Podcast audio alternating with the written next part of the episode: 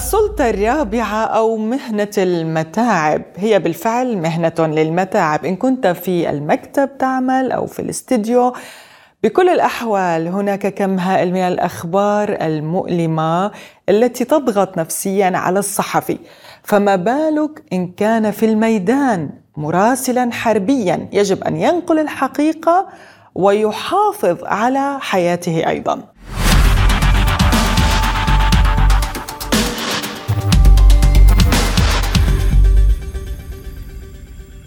عن هذا الموضوع نتحدث اليوم مع المراسل الحربي وهو ضيفنا اليوم في الاستوديو ميخائيل علاء الدين. أهلا بك مسيو مرحبا ميخائيل. مرحبا, مرحبا بك زميل عزيز يعني جبناك من الجبهة فورا لعنا على الاستوديو. مشكور إنه جبتونا.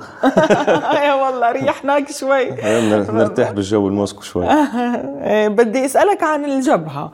كيف اخترت هيك إنه الصحفي لما بيختار الحرب المناطق الساخنة مخاطرة بحياته يعني صح نحن آه يعني ممتع إنه ننقل الحقيقة للناس ولكن إنه نخاطر بحياتنا كيف اخترت هذا الموضوع؟ أوه مثل ما بتعرفي نحن بلشنا نشتغل بسوريا من تقريبا تسع سنوات بعز الأحداث اللي صارت هنيك تبع الأزمة فكالمبدا أكيد ما حدا بيختار يشتغل. آه كمراسل حربي بس الوضع واللي عم بيصير حوالينا آه بخلينا نضطر نشتغل آه بالميدان.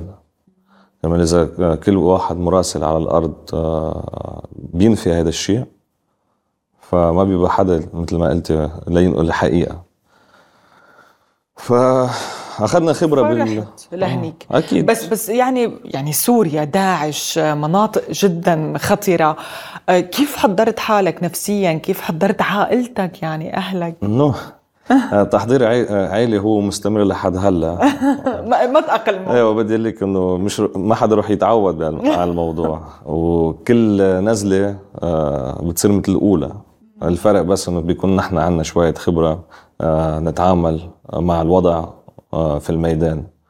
بس بشكل عام آه، شوية تمرين شوية قراءة والموضوع يعني بيصير أوضح لإلنا. أهم شيء لازم نفهم آه، شو الهدف الأولوي لإلنا ليش نحن عم ننزل. بس كرمال الصورة أو في ناس ما بعرف بدها تنزل تاخد شوية أدرينالين. صح. أو بس بشكل عام وقتها الوضع كان صعب جدا بسوريا. وانت بتعرف إنه ب 2015 بلشت عملية جوية.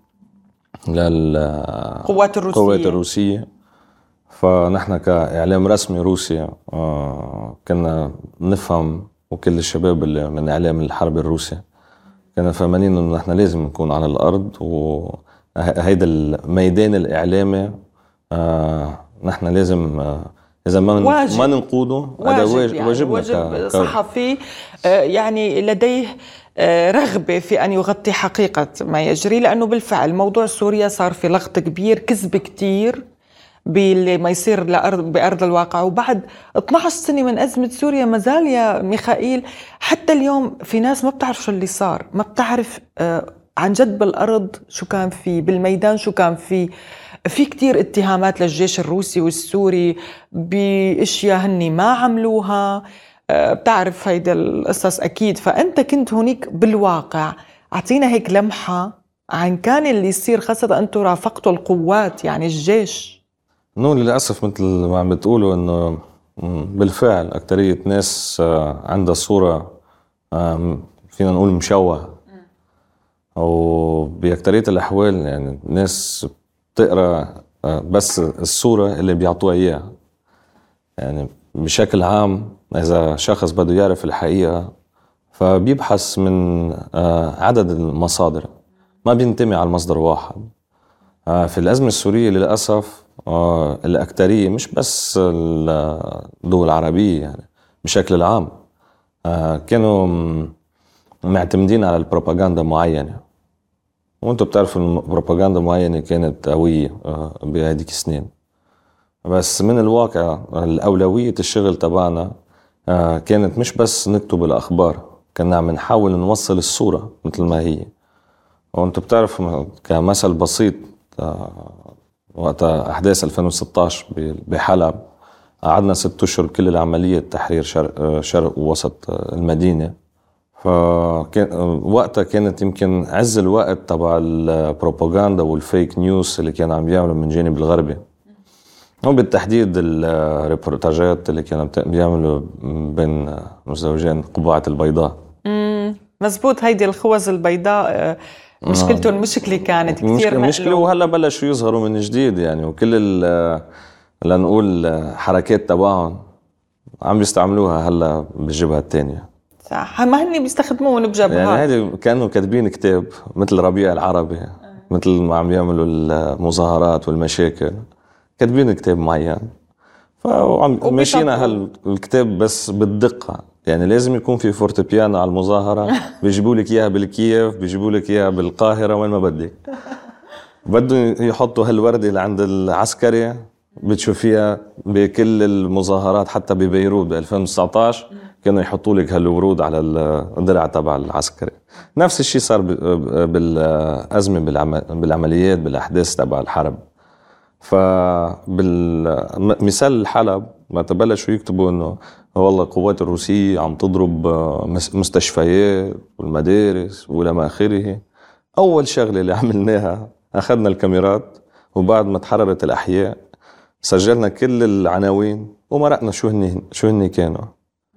مثلا مشفى تبع حد مدينة القديمة آه، بالحلب آه، ومشفى كبير كان الطوابل الفوقانية كانت تشرف على الحي الأحياء الغربية اللي كانت تحت سيطرة الجيش السوري فمن المشفى ما كان باقيين شيء اسمه شيء علاج أو طبيب. كان في آه، شيء مثل آه، حبس تبع شرعي لقينا وراء لقينا حاطين بدل الابواب آه، خشب حديد. حبس نظامي.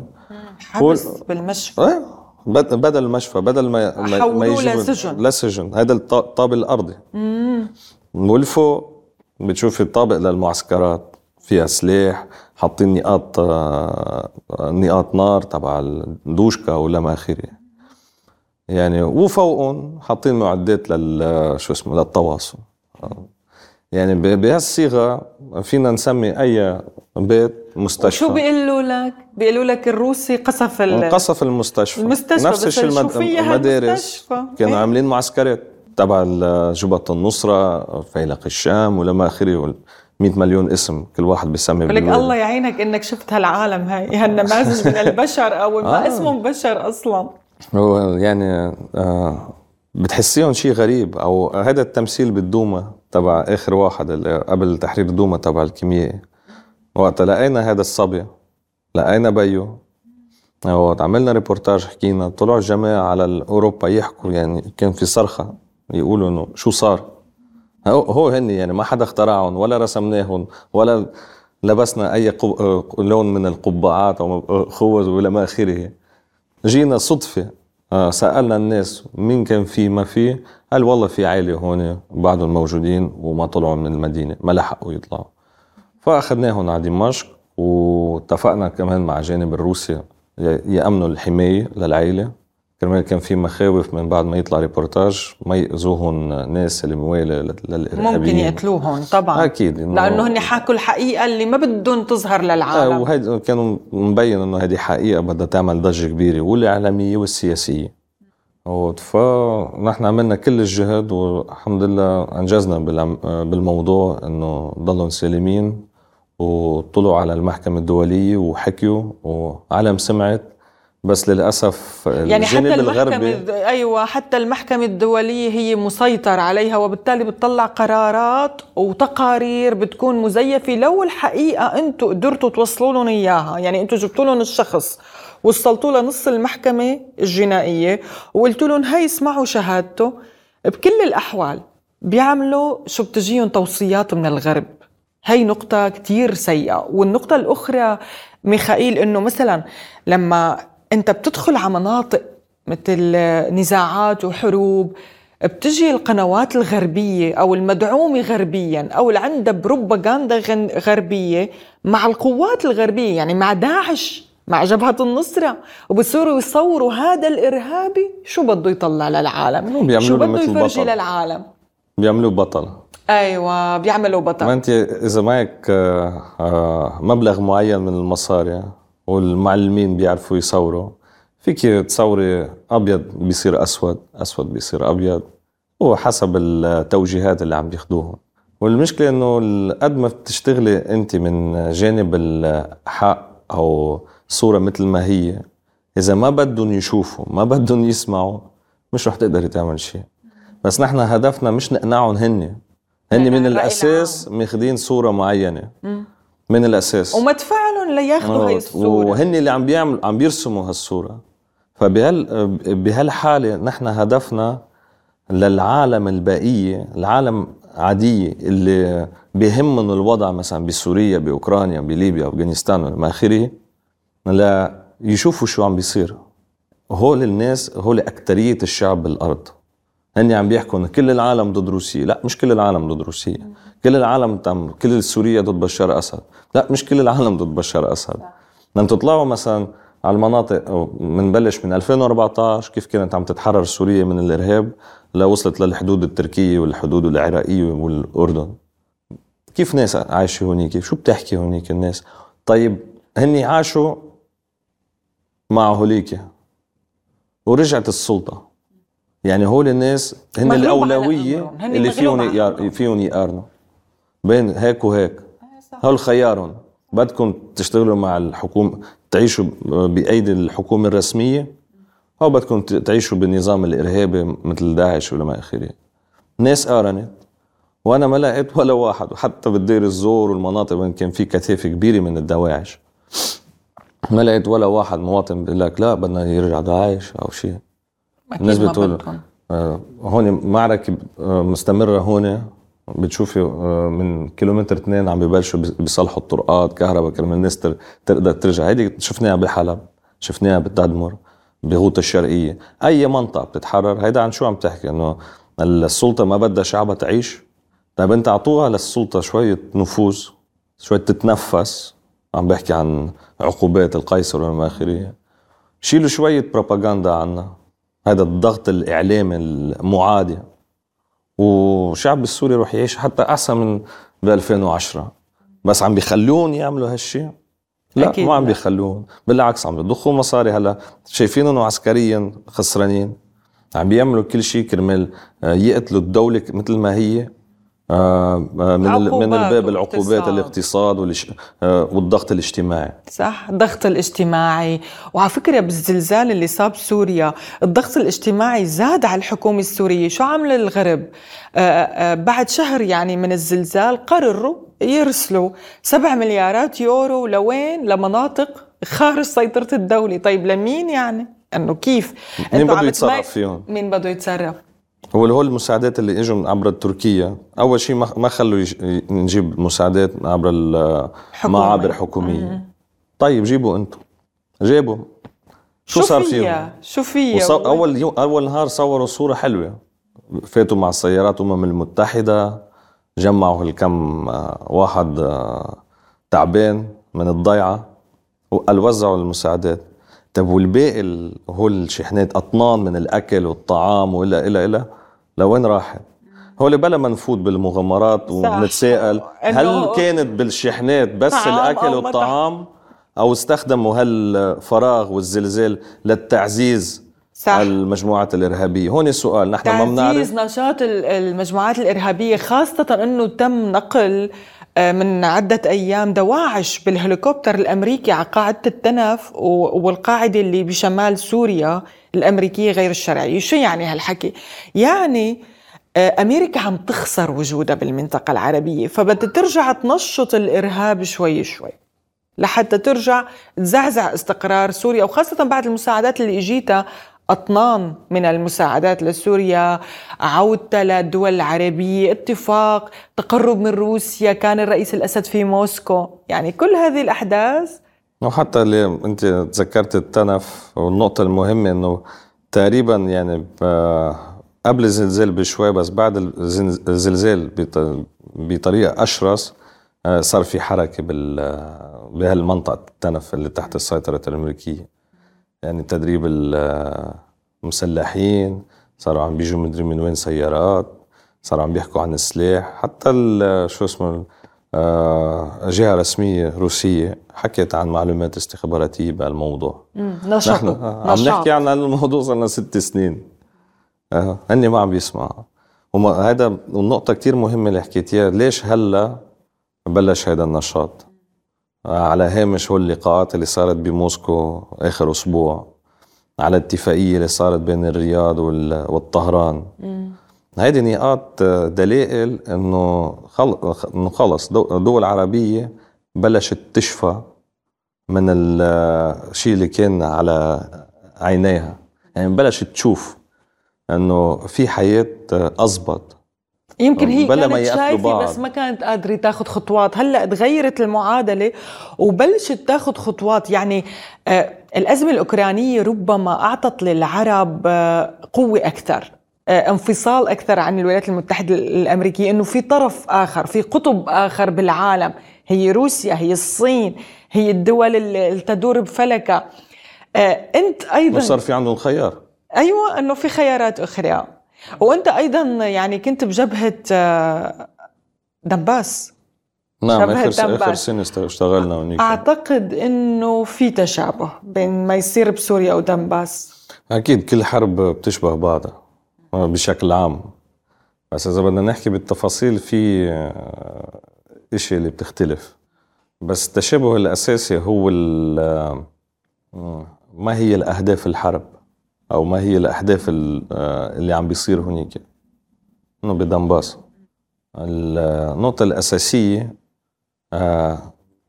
اللي بتتشابه مع الأزمة السورية ومع كل شيء اللي صار بالعالم العربي سابقا هي كيف الصورة اللي واضحة يعني اللي نحن كنا عم نحكي فيها آخر ثمان سنين روسيا عم تحكي إعلام روسيا عم تحكي. كل الأصدقاء روسيا كانوا عم بيحكوا وعم بيوجهوا لهالموضوع إنه هيدا روح يصير إذا بضلكم هيك. بس شو هلأ عم نشوف؟ إنه الدول الغربية رغم حتى الضغط عليهم الاقتصادي والاجتماعي والى اخره مصرة على الصورة اللي هي رسمتها الوهمية مصرة إنه تحققها تحققها بالميدان هون عنا بروسيا. ما بعرف. فشل قصدك. فشل ب يعني نو هن عم بيحاولوا يرسموا الصورة إنه نحن اللي هاجمنا روسيا دولة محتلة وما بعرف شو. بس بشكل عام حتى بكل المصادر الاقتصادية اللي عندهم بكل السلاح اللي عم ضبوا على أوكرانيا بكل المرتزقة اللي إجت هونيك من دول غربية مش عم بيقدروا حتى آه، يقنعوا شعبهم آه، إنه حق معهم. شوفوا المظاهرات اللي عم بتصير بأوروبا وبالدول الغربيه حتى بأمريكا. حتى, حتى بأمريكا. بأمريكا في مظاهرات وانهيار بنوك. ليش ما عم تحكوا أنتم؟ ليش ما هن ما عم بيحكوا عن الموضوع؟ ليش ما عم بيقولوا لشعبهم إيه والله يمكن نحن غلطنا. ويخلصوا الحرب يوقفوا هالشيطنة الكيف اللي عملوها هن ربوها خلال ثمان سنين. هن فيهم يوقفوهم بيوم واحد. بس آه، مثل ما حكوا مليون مرة إنه حرب الغرب ضد روسيا لآخر واحد أوكراني يموت. كمان وقتها نحن ولو بيطلع بإيدهم يا ميخائيل لآخر روسي كمان. لو بيطلع هذا هدفهم الأساسي. إيه. هدفهم الأساسي مش أوكرانيا. أوكرانيا هيك وهيك تحت سيطرتهم مثل ما بدهم بيتعاملوا معها. نحن وقت كنا بالمناطق المحررة بالجبهة الجنوبية خرسون وميليتوبل. كانت الصورة واضحة يعني نهائيا شو عم بيصير وقت أنت توصل لهونيك بتصير آه، بلا ما تكون عبقري أو سياسي أو جنرال بالجيش آه، لتفهم الصورة شو صارت بأوكرانيا آخر 30 سنة. ما عم نحكي بس 8 سنين. يعني بتشوفي كل شيء اللي بقي بعده عم بيشتغل يعني على آخر نفسه. من المصانع من الزراعة من السفن كل شيء. أي شيء بتعرف ذكرتني كل شيء كان مدمر. ميخائيل لما أنا زرت القرم أول ما رجعت على روسيا أول ما رجعت القرم إلى الأراضي الأم الروسية أنا كنت فيها نزلت على القرم. ما بتتخيل البنية التحتية قلت شو هاد؟ شو هالدمار وكأنه استلميتها أوكرانيا من روسيا. من من عشرات السنين لورا وما غيرت شيء. مثل ما استلميتها من روسيا رجعيتها لروسيا. المشكلة مش لو ما غيروا شيء ما كانت المشكلة. الأزمة إنه فكوا كل شيء باعوا كل شيء وخلوا شعبهم يكون فقير يعيش بهالحالة. لو قدروا هن بس يخلوا مثل ما كان ويخلوا عالم تشتغل يمكن أصلا آه، هول المناطق كانت تطورت ما صارت يعني بهالمستوى. صح. يعني لأنه عن جد بدون حزن ما فيك تطلع فيهم. أول ما ما استلموا القرم وأنا كنت فيها قلتوا لي شو هيدا إنه القرم كأنه شي 100 سنة لورا عايشين كأنه بشي ضيعة نائية ما بعرف وين ما فيها شيء ما فيها لا مي لا كهرباء لا كلها مواصلات سيئة. الباص اللي بدك تطلع فيه مثل الهوب هوب اللي كان من 100 سنة لورا. شيء غريب بس طبعا روسيا هلا بعد ما استلميتها الوضع تغير ورجعت لها آه، خيرسون شو صار فيها؟ كل العالم هون حكت إنه يوم اللي صار النهر حاصروا النهر الأوكران وقالوا بدهم يفجروا السد ع دنيبر. هون شو صار بالضبط لانسحبت القوات الروسية؟ بما أنه أنت كنت هنيك يعني وبتعرف. نعم هي آه، هو كان قرار آه، من القيادة الروسية. آه، كرمال ترجع كل القوات على ناحية الدنيبر تبعنا. أول شيء أنه المعركة خرسون هي كانت مؤكدة. الكل كانوا ناطرين أنه الجيش النازي يبلشوا يتقدموا على الخرسون بس المسألة الثانية لو كانوا عاملين آه، معركة آه، اصطدام على هذيك الجهة في نقطتين. أول شيء هو الأنتونوفسكي موست الكبير. إذا أنتونوفسكي موست إذا بيتفجر كيف بيكون في تمديد للجيش؟ والمسألة الأكبر هي كانت الحياة المدنيين. لو صارت المعركة آه مين أكثر قديش كان في كان في فينا نوصل للخسائر المدنية؟ ما عم نحكي بس المدينة كيف بدأت تتأثر. كرمال نحن حتى وقت كنا هناك كل يوم كانوا يقصفوا قصف كان عشوائي بالمدينة بوسط مدينة كانوا ينزلوا الصواريخ. وما حدا سائل. بينزل بالأوتيل بينزل حد المطعم بينزل بالحديقة والناس عم تكزر مع الأولاد. يعني هون مثلا ليخوف ليخوفوا العالم إنه هن جايين. أوكي أخذوا القرار. الناس اللي كان بدها تطلع طلعوهم وعايشين بالمناطق روسية أخرى مش بس قرم مناطق آمنة. ومن كان محتاج للبيت صار في عنده بيت شغل عم بيأمنوا شغل. يعني الأمور كانت مدروسة. هن عم بيحاولوا يفرجوا إنه هذا انسحاب يعني مثل لنقول نوع من حماية المدنيين وحماية القوات نعم. أيضا لأنه خسائر القوات كانت هونيك بالآلاف لو أنه فجروا السد بالفعل وهي أكيد أنتم بتصوروا مدينة راحت بتروح تحت المي. صح هذه ما بدها ولا قنبلة ولا ولا, ولا دبابة بأسهل طريقة. غرقوهم ومش بس مدينة أنتم عم تحكوا في بلدات حواليها. يعني عم نحكي بنسبة سكان فوق مليون اللي تحت الخطر. يعني فينا نغامر بهيك أعداد ما بعتقد. أكيد لا يعني تخيل لا سمح الله لو صار أي شيء.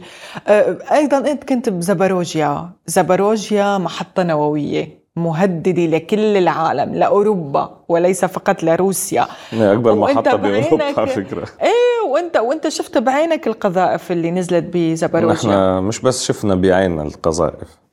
آه نحن مرتين كنا بالمحيط تبع المحطة النووية وقت كان القصف. وكنا آه، بالمدينة نرجدار وقت نزل هايمرس على المبنى تبع الإدارة المدينة. أكثر من هيك نحن كنا بأهل المبنى. الحمد لله على سلامتك الكلام اللي كان بدهم هني ما أخطر يوم كان من 31 8 الليلة من 31 8 ل 1 سبتمبر. ومن 1 سبتمبر ل 2 سبتمبر. قبل ما كان في قصف.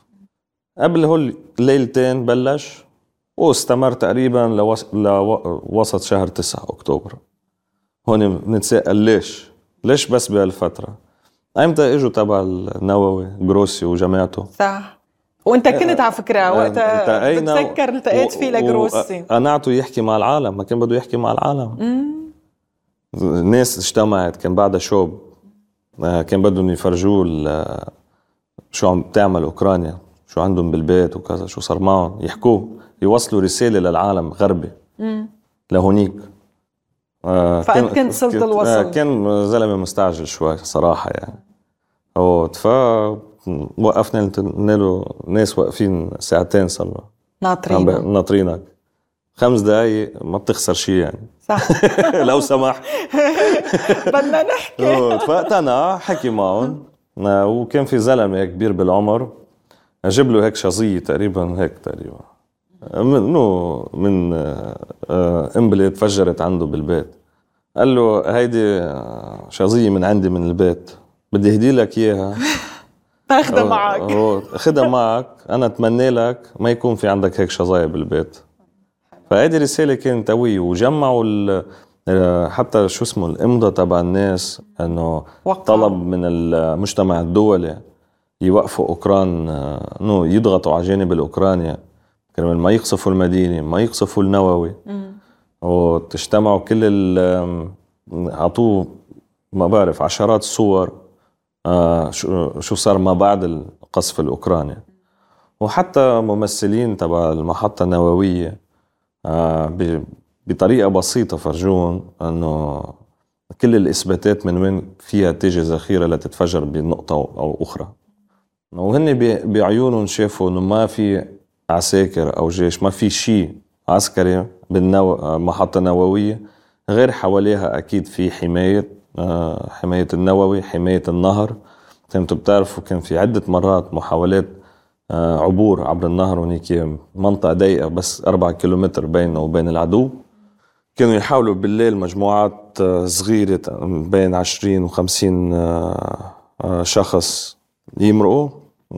لا يتثبتوا على ميلة النهر تبعنا من جهة النووي. فأكيد على المحيط الشريط النهري آه، في حماية عسكرية. بس القصف عم بيتم كان عم بيتم على المحطة على النووي مباشرة. على المحطة مباشرة. تجي آه، حتى إجت آه، قذيفة بقلب هيدي ما بعرف شو بسموها. تبع اللي بتبرد. إيه صح. تبريد آليات التبريد. آليات التبريد. بتذكر بعثت لي الصورة يوم كيف القذيفة داخلة بالسطح يعني و... خارقته. وخرقت السطح. ولو وصلت بعد الحماية كان في هيك مثل آه، فراغ كبير من بطون آه ما حدا بيعرف شو كنا يمكن ما كنا قاعدين هلا مع بعض يعني. بعيد الشر عنك. ألف الحمد لله إنك بخير يا ف... ميخائيل. شو شو كان بدهم آه لأي هدف كان بدهم يوصلوا من هذا القصف من هالمشكلة اللي كان فيها توصل يعني لأوروبا ولا روسيا ولا دول حوالينا؟ الهدف الأساسي كان بدهم يقطعوا يقنعوا المجتمع الدولي إنه شوفوا السخافة. نحن انه الجيش الروسي عم بيقصف حاله بمنطقته بالمنطقة المسيطر آه. عليها. آه على السؤال لشو ما حدا أعطانا جواب؟ بس نحن بنعرف لشو هن كانوا عم بيعملوا هذا الشيء. يقنعوا المجتمع الدولي يتفقوا مع روسيا كرمال نحن ننسحب من هيدي من محطة نو منطقة من المحطة النووية ونرقدار الزبروجة يرجعوا يسيطروا عليها. ليفوتوا مين؟ آه، قوات السلام. ما قوات السلام؟ طيب نحن مين بده يعطينا ضمانات إنه اليوم هول قوات السلام وبكرة ما بيجوا هونيك نازية ما بيجزروا بالعالم تبع اللي قاعدين بالازوف اللي بيجزروا بالعالم بالانرجدار سكان انرجدار وما ببلشوا بعدين آه، يفوتوا على الضيع حواليها. هني أصلا لو عطوا ضمانات أمنية لروسيا من الأول ما كانت صارت هالمعركة كلها بس هو الضمانات ما ممكن توثق بالغرب يعني حتى جروسي عم بتقول المدنيين شافوه التقوا فيه عطوه كل الإثباتات والأدلة على اللي ما يصير. بس شو عمل جروسي؟ وصل يمكن هالأدلة لمجلس الأمن. ومجلس الأمن مثل قلتوا هالايام مجلس الأمن قال نحن بنعرف نحن على العلم وحطوا هيك بالجرد أيوة أيوة. وسكر شو جبت لنا جديد يعني؟ نحن بنعلم بأنه هيك عم يصيروا أقمار صناعية. عندنا كاشفه كل شيء بس يلا حطوا هون دائما يعني حتى حاولنا نحكي مع هول الممثلين تبع النووي. بس بتسألهم عن شيء بخص القصف. بيعملوا حالهم مش شايفين شيء مش عارفين شيء. بس بدك تفوت بشيء سياسي؟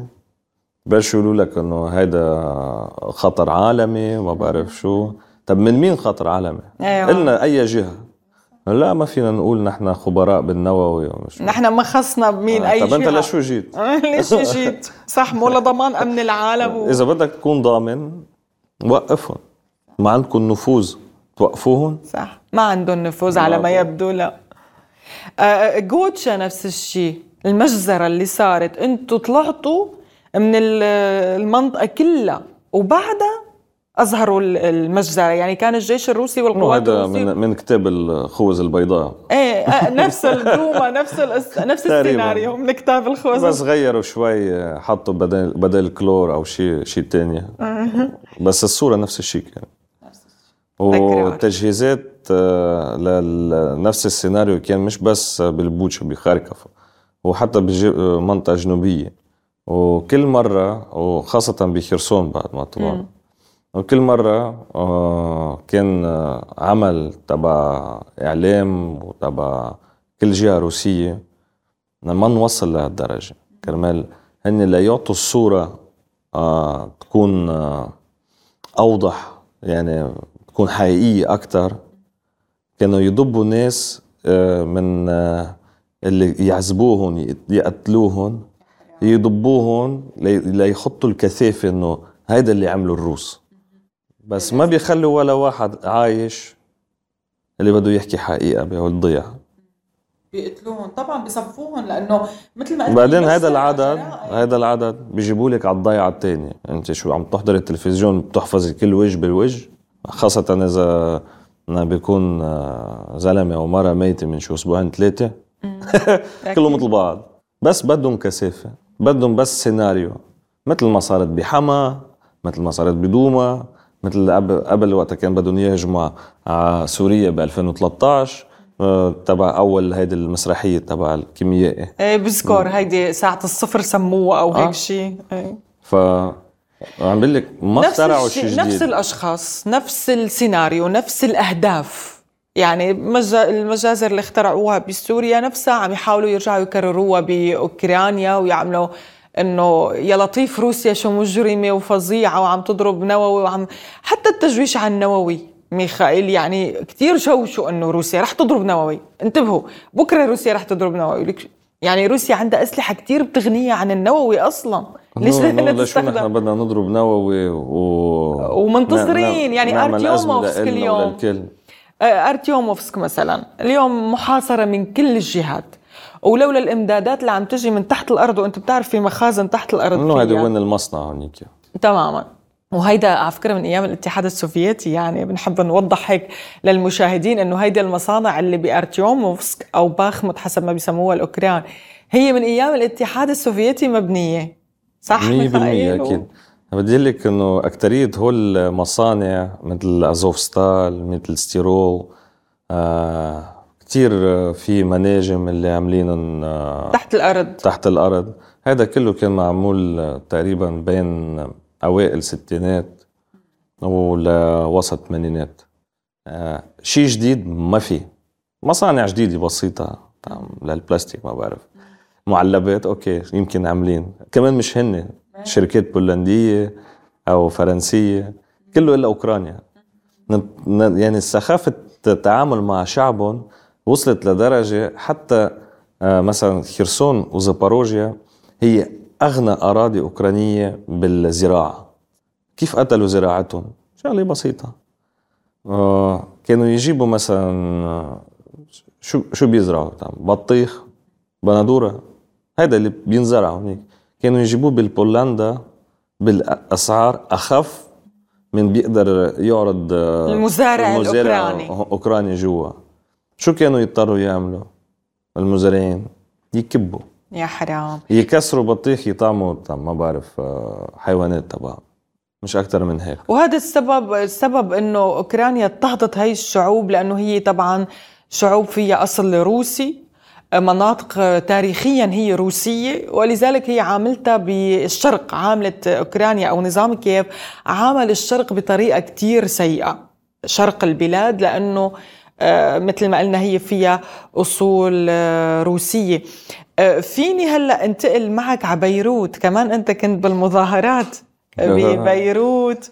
هلا عم نتابع مظاهرات اليوم حتى. إيه زميلنا عبد القادر الباي بنوجه له تحية ألف كبيرة. سلامة أخونا. ألف سلامة. اليوم انصاب بقنابل مسيلة للدموع للأسف وحالته الصحية شوي سيئة بسبب استنشاق هذه الغازات. ألف الحمد لله على السلامة يا عبد. وأنت قبضاي ومراسل مميز أكيد مثل ميخائيل. أنتم سوا كمان عشتوا هي الأحداث. نعم نحن أحداث بيروت وطرابلس مش بس بيروت. آه، كنا عم نغطي سويا طرابلس فيها دواعش. يا لطيف شو فيها دواعش مش فيها كثير مشاكل للأسف. للأسف أنا مريت مرة ميخائيل بطرابلس مرأة هيك بالسيارة يعني. آه الأعلام أعلام داعش على البلاكين. كان في فترة آه معينة صحيح رفعوا آه بكم منطقة أعلام. بس هذا كانت شغلة استفزازية. بشكل عام أكيد آه شباب من طرابلس آه آه أصدقائنا ونحن كتير بننزل لعندهم من باب الصداقة. وبالعكس كتير بنكون مشغول بالنا وقت بيكون في بيصير عندهم أحداث وناس حول الجماعات الإرهابية أو الجماعات الإرهابية نفسها عم بتحاول تشوش اسم المدينة وهي نحن بنعتبرها عاصمة شمالية للبنان. ف ما هن حاولوا بالفعل. حاولوا يعملوا فيها مشاكل يعني. صح. حاولوا يعملوا فيها مشاكل لطرابلس حاولوا يعملوا فيها آه، آه، قلائل وعصابات وإطلاق نار عشوائي. حاولوا كثير بس لا هلا هادية كل. المحاولات آه، الحمد لله إنه بقت بس محاولات. الحمد لله. كمال قلبهم شباب طرابلس قوي وأنا متأكد أني لحالهم ما بيخلوا بيتهم يروح تحت إعلام داعش. إيه الحمد لله. وبدي أقول لك مرة ثانية ألف شكر إنك إجيت ضيف عزيز لعنا. شكرا. و... وألف الحمد لله على سلامتك. يعني أنت من لبنان لسوريا لدنباس. يعني هالمناطق الساخنة آه، حاجة ما حاج ما خلاص. بنشوف. نحن نتمنى تخلص الحرب وبنضلنا نشتغل آه، بالسلام بس أنتم بتعرفوا من زمان كتاب تولستوي آه، مكتوب حرب والسلام ونحن بنستمر بهالصورة يعني. شكرا كثير لك وشكرا لكم. أيضا مشاهدينا على حسن المتابعة. تابعونا على يوتيوب فيسبوك وبودكاست. كنا معكم في هذه الحلقة ضيفنا في الاستديو المراسل الحربي زميلنا ميخائيل علاء الدين شكرا. وأنا نغم كباس. إلى اللقاء.